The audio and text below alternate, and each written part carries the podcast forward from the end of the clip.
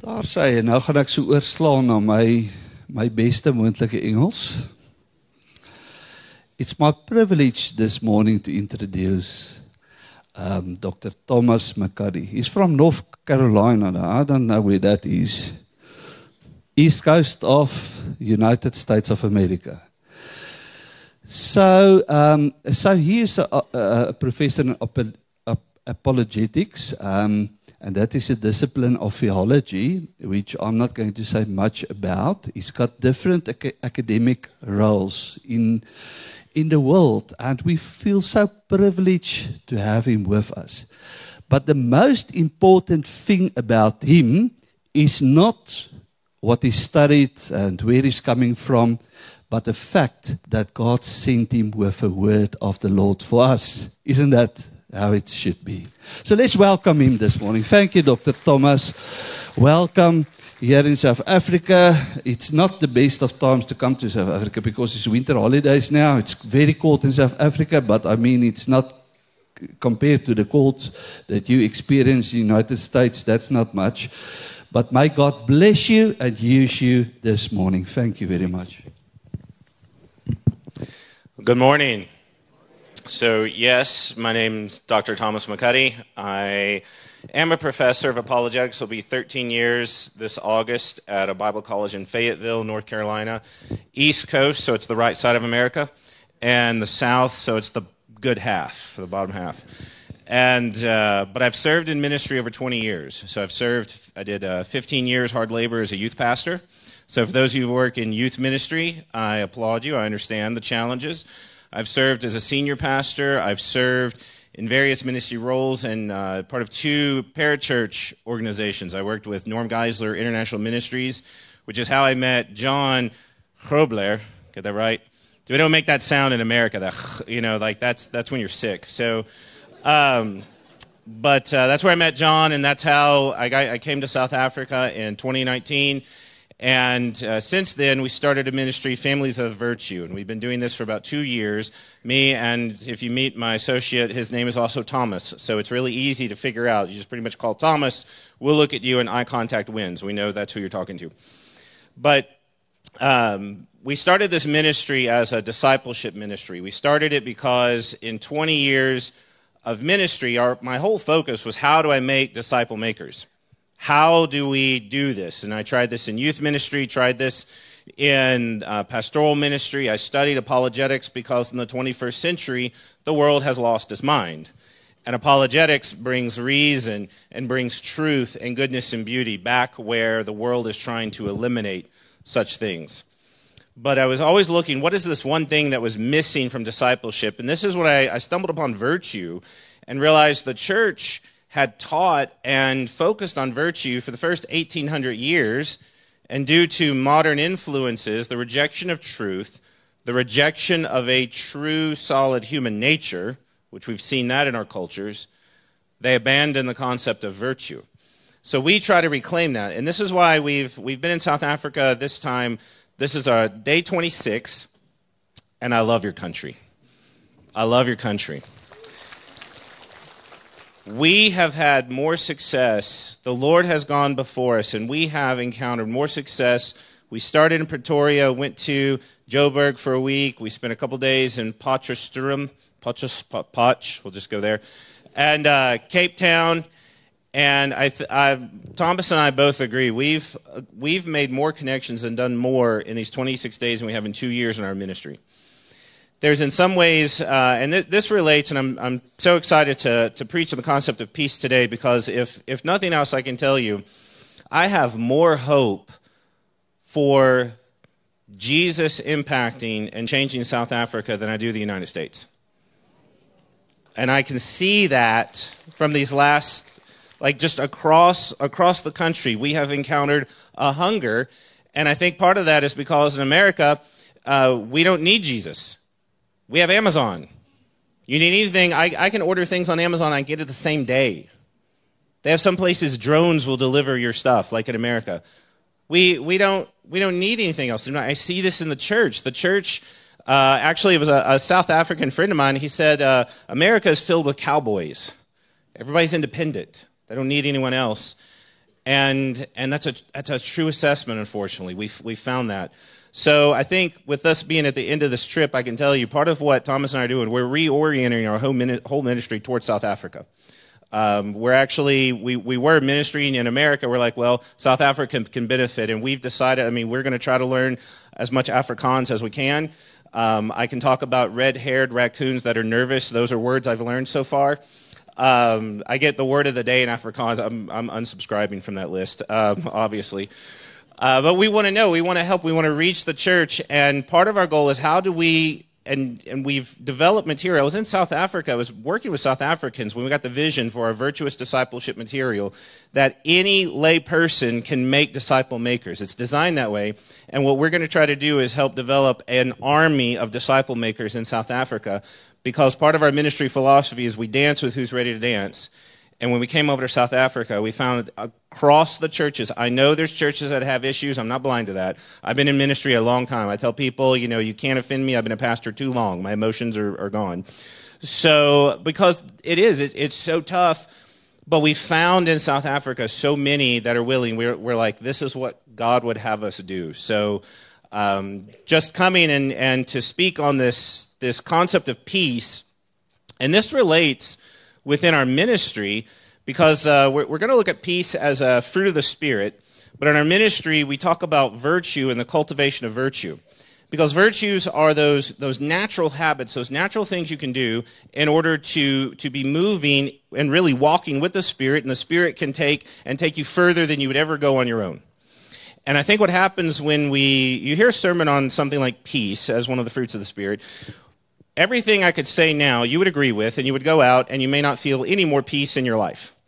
Or what happens, and I, and I love like looking at the announcements, and uh, I'm so glad John translated for me so I know what's going on at your church, not just pictures. so, uh, the whole idea of trying to minister to families that have that have been broken and trying to put those back together because sometimes life hits like that and all of a sudden you might you might know peace and you might know what it is. You might oh yes we need peace. But when your world turns upside down sometimes we ask where's that peace?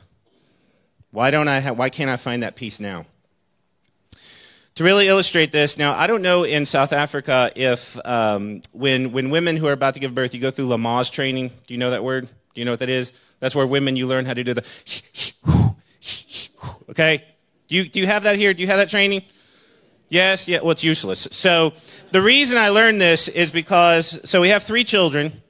I always like to say, you know, we gave birth three times. My wife is like, I gave birth three times.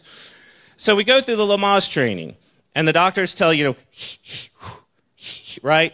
You're supposed to do that. We're like, this is easy enough. And we go, we do the little training. We're like, okay, we got this. First child. You know, my wife, my wife gave birth very, very quickly. To put it in perspective, like I, I remember, I counted. Like I was like, let's just do. I, I have a math undergrad degree, so I'm, I'm going to count. I'm going to do statistics on the birth process. Uh, my wife pushed eight times, and the child was born. Okay, real quick. She also went so quick, she never got a drop of painkiller. All three were entirely natural. So we're going to fall back on that Lamaze training, right? You get trained and we know, we know what we're supposed to do. So I'm like, okay, dear, we're going to get ready, you know. And then the first contraction hits and I was like, all right, honey, breathe. And I hear, ah! you know, just, no, that's not how it goes. Remember, we were taught. And she was, she was like, this is not going to end well for you. Shut up. You know, just, and some of you women, you, you understand that even though you knew what you're supposed to do, when the rubber met the road, all of a sudden the training sort of went out the window. And I think what happens in our church, we do that same thing. We do a couple of classes, a couple of training, all right, we're ready. And then when a train wreck happens in your life, you realize you didn't have it down to begin with. I believe this is what we encounter when we look at the fruit of the Spirit. And part of what we try to do in ministry is we, we walk with the Spirit. How can we develop those qualities of soul, those characteristics that God has gifted us by the fact that we bear His image, that His Holy Spirit can come along and do so much more. Uh, do any of you like to keep a garden, like to grow things, plants, flowers? Is that a big thing here? I know we're in winter, but I know my wife likes to try to grow plants inside. And um, but if you if you think about farming, I think we treat the Holy Spirit, much like a farmer or somebody, if you just want to grow, if you just want to grow a little flower garden, and you get your little flower garden, and you, you have your, you, you know, you just you have some soil, and you say, "All right, Lord, grow the flowers." And most of us are like, "That's silly. You wouldn't do that." Like you have to till the soil a little bit. You need to fertilize it, get the trash, all the stuff out of there. You got to plant the seed, but you know good and well you can't make it grow. The Lord brings the increase. There are things we can do to till the soil of our hearts and minds such that the Holy Spirit, through His seed, through the gospel, can bring a fruit that is His and His alone. And I maintain peace as one of those. So, in Galatians, Paul, when he gives us this list, I'm going to back up and, and read just a, just a little bit more. He says uh, in verse 5, chapter 5, verse 19, he says, Now the deeds of the flesh are evident, which are immorality, impurity, sensuality, idolatry, sorcery, enmity, strife, jealousy, outbursts of anger, anger, disputes, dissensions, factions, envying, drunkenness, carousing, and things like these, of which I have forewarned you, just as I have forewarned you that those who practice such things will not inherit the kingdom of God. Now, in our lives, if this is the kind of stuff we're doing, and we look to the Holy Spirit to say, All right, Spirit, go bring forth fruit, but this is our soil, this is our habits, this is the way we live, then the Spirit's going to look like you're working completely against me. Now, the Spirit can miraculously overcome you and change your, change your personality, but if that was his normal mode of operation, Paul and the other writers in the New Testament would not continuously urge us to choose to live virtuously, to live according to a sense of excellence in the Lord. So these are the kinds of things. Look for these things. These would be the rocks. This would be the debris. This would be the, the thorns and the things that you would have to clear out. In verse 22, he says, But the fruit of the Spirit is love, joy, peace, patience, kindness, goodness, faithfulness gentleness, self control. Against such things, there is no law. And we look at that, and every one of us would be like, Yes, I want love and peace, and I want gentleness. I want these things. But so few times do we do the kinds of things that are going to develop those. I, and again, as a pastor of a church, and um, my my friends that have joined me, they've heard these stories so many times. But this is the advantage of traveling around South Africa because you've never heard my jokes before. So um, or my stories. And so uh, my wife, who's heard all, she's like, yeah, she's done with that. But uh, when when I was uh, a pastor of a country church in in North Carolina, we had uh, in this case a center aisle. So it's an old school, old building. Church was built in 1880s. Okay, so we got our pews, center aisle, and uh, part of what I was doing that morning, I was preaching a sermon, and the title of it was "Be Nice." Can you guess what I was preaching on by that title? We had a lot of family in that church, and they were not getting along. And so I preached a whole sermon on just be nice. And part of the customs in America we have with that, that center aisle, when I'm done preaching, I go down the center aisle, I stand in the back, and people will make their way through the back, shaking my hand and lie to me and tell me how much they like the sermon. So this particular Sunday, I finished preaching, everything's done, I'm walking, and before I could get through there, one lady over here crosses to the other and just rips into her over a floral arrangement that had been donated and, and in her view, misappropriated. And I'm thinking to myself, do I just preach the same sermon again? What's happening?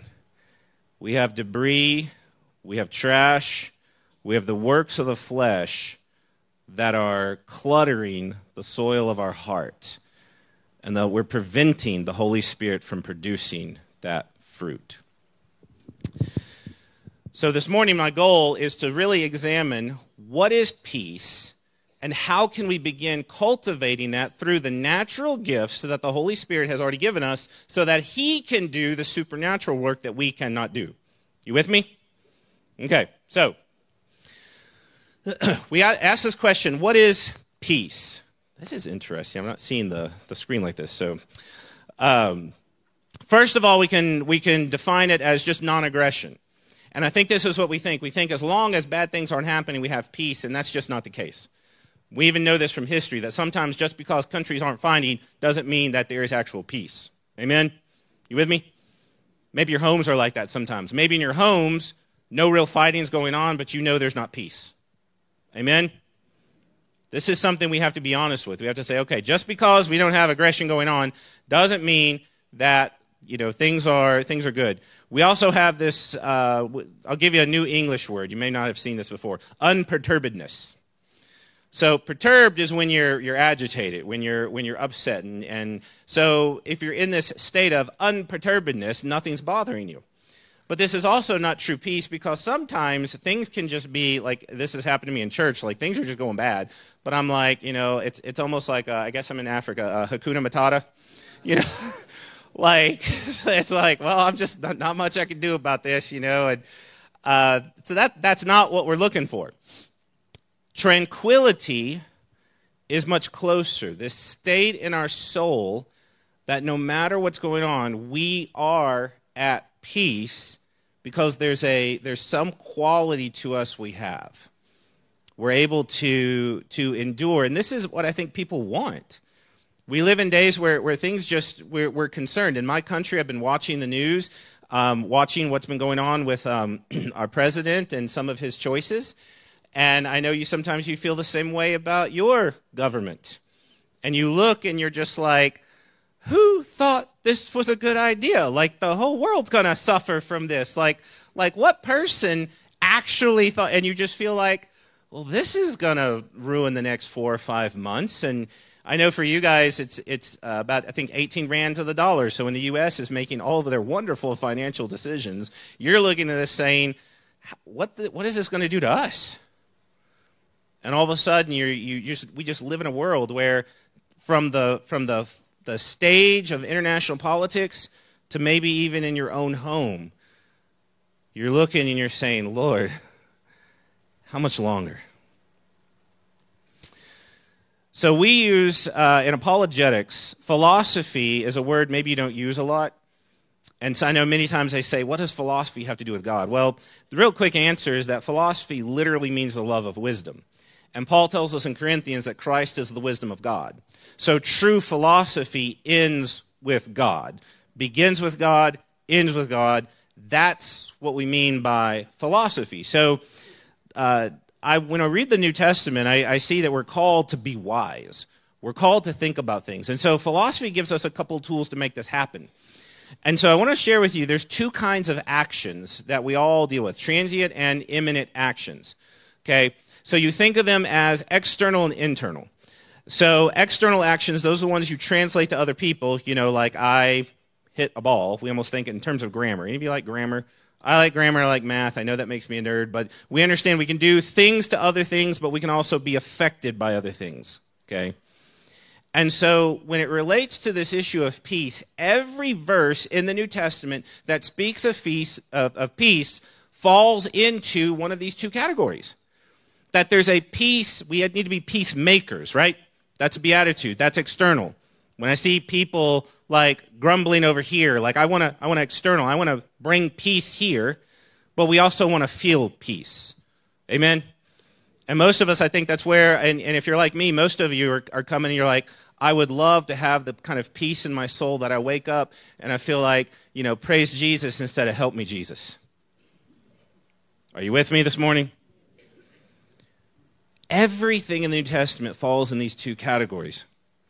So, what we need to do is we need to understand well, how, how can we become the kinds of people that begin to experience this peace? And we make this virtue connection. And I know like we, our time is so short. At the very end of the sermon, um, I do have like a, a, QR code. We, we are giving away like our talks, so much free stuff. We would love to bless you. We'd love to give you resources that your family could use. We have a whole PDF book in there. And so we'd love to help families grow in wisdom and develop these kinds of virtues. But we only have so much time this morning. So I want to tell you that there's just very quickly these virtues we talk about. There's four cardinal virtues that really help us to connect with this idea of peace. And this is where uh, peace, as a fruit of the Spirit, it coordinates with the virtue of justice, which is also the same word righteousness. It's translated the same way from the Greek. This is external. This is where, when I am rightly related with people, righteousness, when I'm rightly related with God, okay, I can have peace because when you're not rightly related with people, that's where conflict happens. Amen? Most of you who are married understand this. That when you, as the men, do something just boneheaded wrong, and now your wife is angry, and you feel like, well, I did something wrong, and you can do one of two things. You can be like, well, you didn't do this, and then what happens? You will pay more dearly than you were going to pay before. Okay, so men, don't do that.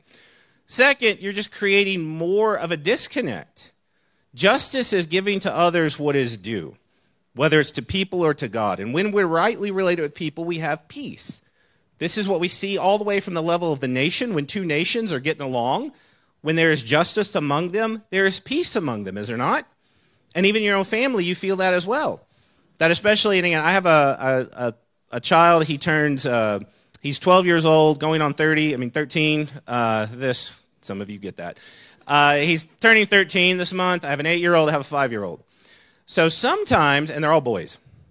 So sometimes we don't have right relationships in our home. Sometimes it's just constant. Like, he looked at me wrong. And I'm like, really? R- really? Like, first of all, get over it. Second of all, stop doing that.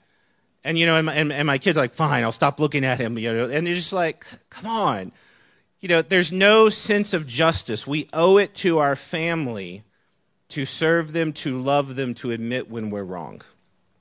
That's one of the ways you can begin to cultivate that peace very naturally. Because I, I tell my boys, like, I even, um, I'm pretty sure they won't be watching this. So, so over here, we learned that Legos are actually a lot cheaper here than they are in the United States. So we went to the Lego store you know, which is just odd. You know, me and Thomas, two 40 year old men wandering around the Lego store. But, um, and I was buying Lego men because I get them super cheap over here. But I'm looking at it, I'm like, okay, I got six Lego men. That's two per child. But I'm envisioning, like, okay, here's your two, here's your two, here's two, and then what are they all going to do? I want that one. No, hey, why does he get this one? And it was just like, I'm already preemptively like, what are we going to do? You know, maybe a lottery system. Like, you know, what, what do we do to keep the peace?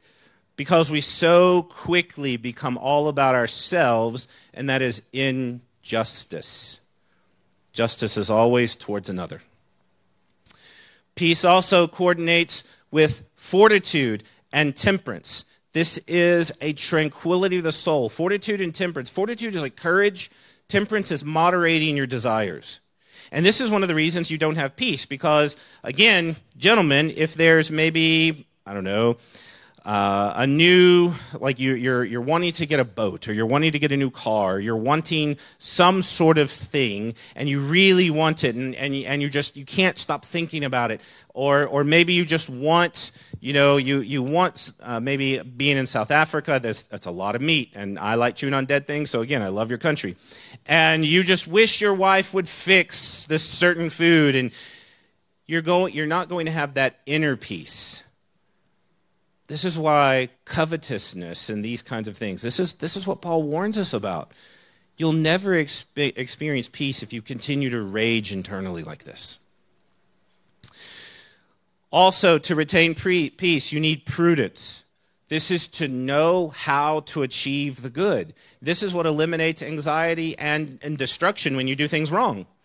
So we want peace and the, these four cardinal virtues of prudence, justice, fortitude, and temperance, which are named in the Bible repeatedly. 2 Peter 1, 5 through 8 literally tells you to add to your faith virtue, and with virtue, every one of the four cardinal virtues are mentioned with a, with a different title. We're told, and we're told that if we are Peter says if we are increasing, if these qualities are ours and are increasing, we will not be unfruitful and ineffective in the knowledge of Jesus Christ. So he tells us if we begin cultivating these qualities, then what will follow in this case, if you're wanting peace, maybe part of the reason is because your desires or just you're, you're living unwisely and you many times are just like I am, we are the source of our own state of anxiety, and frustration. And we're looking at Jesus like, like, and we say, like, Lord, fix me. And, He's like, I've already told you, like, you're doing it to yourself. And this is why, as we come in and I, and I preach the concept of peace, I tell you the, the first thing to do is examine in your own life. Because this is what we did. This is what Thomas and I, how our ministry began. We came across this. We began examining. We began looking and seeing the ways that we were causing anxiety and stress in our families and our own lives. And even as I, my wife, uh, as as she early on in our marriage, we've been married 22 years. My wife, very early on, she wanted me to wash the dishes with her. And I told her that was not in the vows. Like, you know, I, I remember the vows distinctly. Like, washing the dishes is not part of this. She's like, well, I need you to help me wash the dishes. So fine, you know, I eventually help her. Well, I hate dishes, in case you haven't figured it out. I do not like dishes. And uh, so I'm helping her wash the dishes, and she's still not happy. And I was like, well, I'm washing the dishes. She's like, but I want you to want to wash the dishes. I think you asked too much. And, and I struggled with this because of my own intemperance. I don't like the feel of dirty dishwasher, the dishwater, okay? Which, again, it's not just, I just don't like it. You know, who does? Like, that's not normal. So um, I, I don't like this. I'd rather be doing something else. That's a temperance issue. When she brings out the really greasy pot, uh, that's a fortitude issue. Um, and I also had a justice issue because I was selfish and I didn't want to serve my wife. It took about 20 years before I finally my wife's back was, was out, and I get the boys together and I said, We're going to wash the dishes. Now, notice I did not tell the boys, You're going to wash the dishes. I said, We're going to wash the dishes. And I washed the dishes, and the strangest thing happened is that I, I enjoyed it. Not because of dishes, I still hate dishes, but I enjoyed the fact I was serving my wife and showing love to my wife and it creates a home of peace that creates this atmosphere. Of the Holy Spirit then grows peace to the point when the storms happen, when the tragedy strikes, our home is already saturated naturally with peace, supernaturally, and we can weather those things. As the, the, the best example as, as a testimony to the Lord, uh, this happened uh, two years ago, 2020. Uh, most of you, again, remember 2020. Okay. I was in the country of Nepal when the pandemic was going across. I got out of the country three hours before the planes got grounded. That's how I cultivated fortitude. But this is about peace. So when um, in in September, actually it was August. It was also it was it was August of 2020. Our landlord, we were renting a home comes to us and he says, "Hey, your contract is is up for renewal." I was like, "Well, send us the paperwork. We'll sign the paperwork." He says, "No, the owner wants to sell." It was August 11th, my wife's birthday. I remember this. Like, "Happy birthday!" You know, we're gonna lose our home. Um, I said, "Well, you know, how long do we have?" He says, "Your contract's up in September." Okay. The housing market in Fayetteville was booming. We couldn't afford where we were living, and any other place we needed was twice as much as what we were already paying. I said, Well, God's going to have to give us a house if we're going to stay in Fayetteville. Of course, my wife was like, give us a house. Said, yeah, that's what I said. He's going to have to give us a house. And I'm telling you, in the moment, I want you to think about it that if, that if after church today you get a phone call and you got somebody who says, hey, guess what? I know many of you might own your house, but guess what? You just get a phone call and said, hey, you've got two weeks to move out. And you don't have the money to get anywhere else. And you got three little kids. I think any other earlier point in my life, you know, what, what would you do? Cry, freak out, get sick? You think about it. And I said, you know what? I mean, it's, it's, the situation is pretty clear. We can't afford to live. We looked at everything. We can't afford to live. I said, so I'm, I'm going to I'm gonna be wise. I, call, I was going to call my mother in law and say, hey, guess what? Um, there's a 50 50 chance we're going to move in. They live in, she lives in Tennessee. She's got a big house. We could do it. We could live with my mother in law. I like my mother in law pretty well. So, you know, this wouldn't be terrible, but we'd leave our ministry, leave everything. We'd have to leave behind because we wouldn't be able to live. Within seven days, God likes the seven days. Within seven days, guy we used to go to church with calls us up. I knew that his aunt had passed away. I knew her, went to church with her before, and um, she lived about three doors down from where we used to live in Fayetteville. And uh, he said, Hey, you know, my aunt passed away, and, and we were considering renting the house to missionaries. And people ask what I do. I'm, I'm a missionary to the church. And He's like, You want to come consider renting from us? And I'm like, It's the biggest house we'd have ever lived in. I was like, There's no way. A house like that, if you want to do the, the math on it, runs for like 1500 to 1800 US dollars a month. So take that multiplied times 18. That's, that's the rand, okay? That's a lot in American, okay? that's, not, that's not normal. I said, uh, Sure, we'll look. We go in, and long story short, he, when we were there, he said um, they were supporting us for a little bit each month, and he said, Do you want to roll our support off to rent? You want to take us off rent? How do you want to do that? I was like, absolutely, let's do that. He said, um, then pay utilities and we'll call it even. God gave us a house that we're currently living in. And that's why I'm testifying, letting you know that in those seven days, my wife, she's like, what are we supposed to do? And I said, it's, too, it's pretty simple because we've reached this point like again i'm a math person there is no way we can remotely afford to live in fayetteville God, if He wants us to stay here, He has to give us a house. So let's see what He does. And that was a few days later. So during that time, I'm saying that in those moments, and, and, and you, you think, you, you hear the story and you're like, well, that happens to you. That doesn't happen to me. See, I'm one of those guys that I always said, that happens to other people. That doesn't happen to me. And it, and it happened to me because that's what the Lord had done in my life, what cultivated that kind of peace that when those storms came, so it's like, look, there's not much I can do, so it's up to God, and we will accept from Him. And like I said, we're living, we're living there today. That's why we can do ministry in Fayetteville. That's why we were able to start Families of Virtue. That's why we're in Africa today, is through God's providence. But if you don't begin, if you don't have that mindset, then when those storms happen, you lose your mind, don't you? You lose the ability to think clearly your heart is not ready. The Lord tells us that He can develop a peace. And I, I, tell people that that kind of peace, it's not natural. But what happened is the, the Holy Spirit had been building that because the moment you need peace, that's not when you should try to develop it. Amen?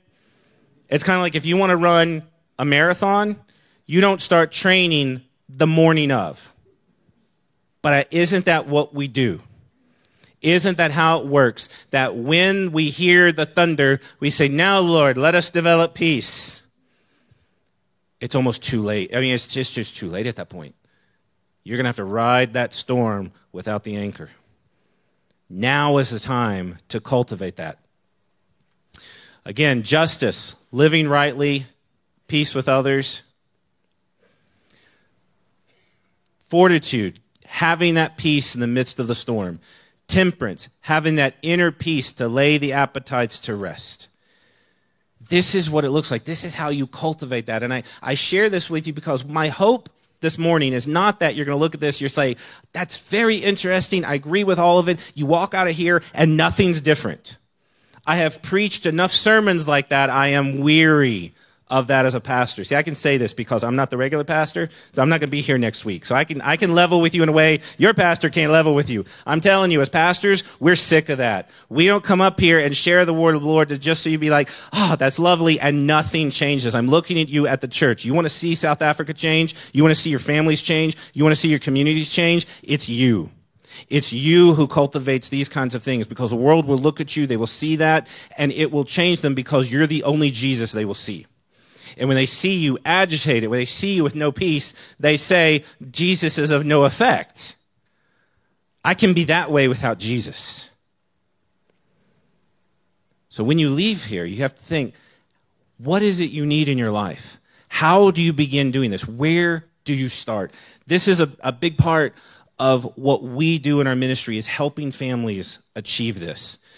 Peace must be practiced externally. You have to begin with this process. You have to work with others. You got to set the mind on the spirit and the life of peace. Romans 8 6.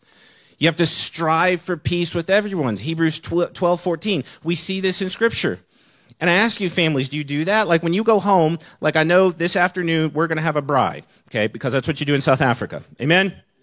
Okay, so I got to get my last braai in. I got I got to have this. But I know what happens around American barbecues is sometimes, you know, you're getting ready to barbecue, the kids are misbehaving, you're yelling, you're mad, the wife is not doing what she's supposed to do, the husband's not doing, and you're all just, you know, and you sit down to eat, and you're basically chewing the food the most aggressive way you've ever chewed the food in your life because you're so frustrated, and you're just slapping stuff on the plate, and everybody's like, "Isn't this lovely?" Happens in America all the time. I have to imagine happens across the pond too. Amen. How are you going to strive for that peace? Starting with your family. Pursue that righteousness of faith, love, and peace. 2 Timothy 2 22.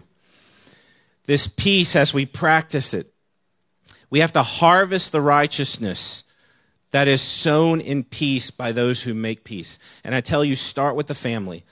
Don't start with your neighbor. You might be thinking, yeah, I got that neighbor. We need some peace. I'm going to start with your family. It's the hardest thing you can do because your family is what gets on your nerves the most. Amen? Your neighbor, you can ignore. The people at church, you can sit on the other side of the church, right? You know, you can avoid them. But how do you avoid that family? And I would maintain I watch a lot of families where they do it pretty well. They live together, but there is no life on life. That's how they keep peace. Let that peace of Christ rule in your hearts. This is, this is the context of bearing with one another, the, the issues that are in church. But you've also got to experience it internally. Through justification, we have peace with God. Through faith in Jesus Christ, we have that peace. And we, we look at that like, isn't that lovely? And we're like, now I can pray, now I can connect with God. But we also have this, this hope that fills us with joy and peace in the believing, and we can be this way with others. That if God gives us peace, how much more should we have peace with people down here? Especially your family. Because I think so many people right now, you're not thinking the family, you're like, that might be foregone. I'm telling you, it's not. I meet so many parents who are like, my kids are older, what am, what am I supposed to do? And I'm like, you're supposed to do what you're supposed to do. Why is there an age limit? My kids are out of the house. We didn't have a good relationship. I had a terrible relationship with my parents growing up. And as an adult, I sought them to try to mend that. And I'm so glad I was able to. I lost my dad in February. And we end it way better than we began. It took years to do it. Why, why would you give up? Just because they're out of the house. Also, you're going to have grandkids, right? Don't they need grandmothers and grandfathers who can show them what it's like to live out the Christian life rather than spoiling them. I have hit, uh, you, you want to see me get fired up? If you don't remember anything else, grandparents that are in this audience, do not be the grandparents that spoil your grandkids. They should look to grandma, grandpa, opa, oma, I don't know, what, whatever you call each other here. They should look to you for wisdom and justice and fortitude and temperance. They should know that if their parents are struggling and their parents don't know, they can go to grandma and grandpa because they'll know. Rather than, well, things are pretty bad, at least I can get candy from them. I'm telling you, be the grandparents God has redeemed you to be. Peace, he says, Peace I live with you. Not, let not your hearts be troubled. It's peace on those with whom he is pleased. So, all of these promises, all through Scripture, we see this. We are able to engage in this peace and I'm just gonna I'm gonna stop here because I think we I think we have enough at this point. Our call, our passion to people. If we don't have strong families, we're not going to have strong churches. And this is why this one particular fruit, this one particular issue is such an issue because if you if we don't have peace in our families, you will never have a strong family. Amen. There's other things we can work around, but if there is no peace, it will, it will ruin everything. And I speak to you as one who, again, you look at me and I'm a pastor, I've done all these things. I can tell you my number one goal as a teenager was to get out of my hometown and never look back. That was how I survived my teenage years. God had redeemed me. I am one of the few believers in my family. I have a niece who's also a believer. Outside of that, I can't really speak for anybody. And I look at this and I and I've seen what it's like to grow up in the midst of this and I look at those who sit in the church and I think back and I'm like it's not much different from what I knew growing up. I'm telling you, you want to change, you want to change South Africa? You want to change your city? You want to change your church? When we learn to cultivate peace and live within peace, the Holy Spirit can come and use us in ways that you have no idea. And because if we are not at peace, we're so distracted with whatever agitates, almost like when you, when you have something in your shoe and you're trying to do something, but it's really just like jabbing you in the bottom of your foot. You can't focus. You can't think. All you're thinking about every step you take is agony, right? Like if you have that thing in your shoe and you're just, it's constantly there. Is that not how a family that's in turmoil feels? I tell you, the Lord calls today for peace among his people because that's how we will show peace to the world. And if you want to cultivate that fruit in your family, what you do this morning, you ask the Lord, what's the first step? You can't go home and change everything. You can't go home. Okay, I told you, it took me 20 years to learn how to wash the dishes, okay? Slow learner. Some of you guys, you're with me. You won't admit it, but you're with me. It's going to take years for you, for the way you've been going, to change that. That was me. It took two decades for me to really become a civilized human being. My wife was a major part of that. God bless her. But through step by step, the Lord took me and remade me. And my family now is experiencing as the Lord works through me, it blesses my family. May that be your prayer. Lord, what change do I need? And you say it that way because each one of you, I know some of you are thinking, He's not talking to me, I'm talking about you, if you're thinking that. Lord, what's the change I need that you may bless my family through me in bringing peace to the family? Pray with me. Father, we come to you this morning just thanking you that you are the source of peace. You bring first peace with you, which is absolutely impossible apart from the work of Jesus Christ. That through the cross, just by placing our faith, receiving what Jesus has done for us, we can have our sins forgiven and we can be friends of God. Though we have one act of faith brings peace, we have days of walking to do.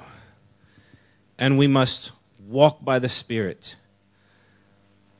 But Lord, many times we have done more stumbling and crawling and wandering away than keeping in step with the Spirit. My prayer this morning for each one here Lord, bring peace to our families. Bring peace to our hearts. That when the world finds new and creative ways to destroy itself, may we have a peace that passes understanding.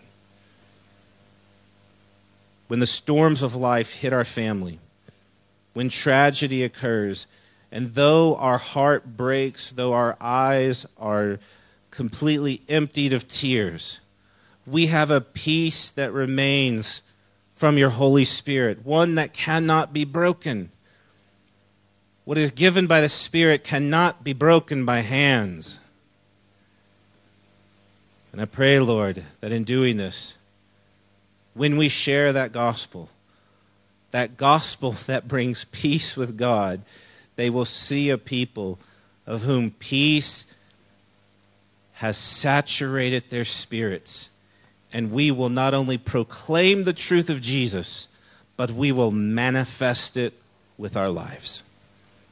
We pray this in the name of Jesus Christ.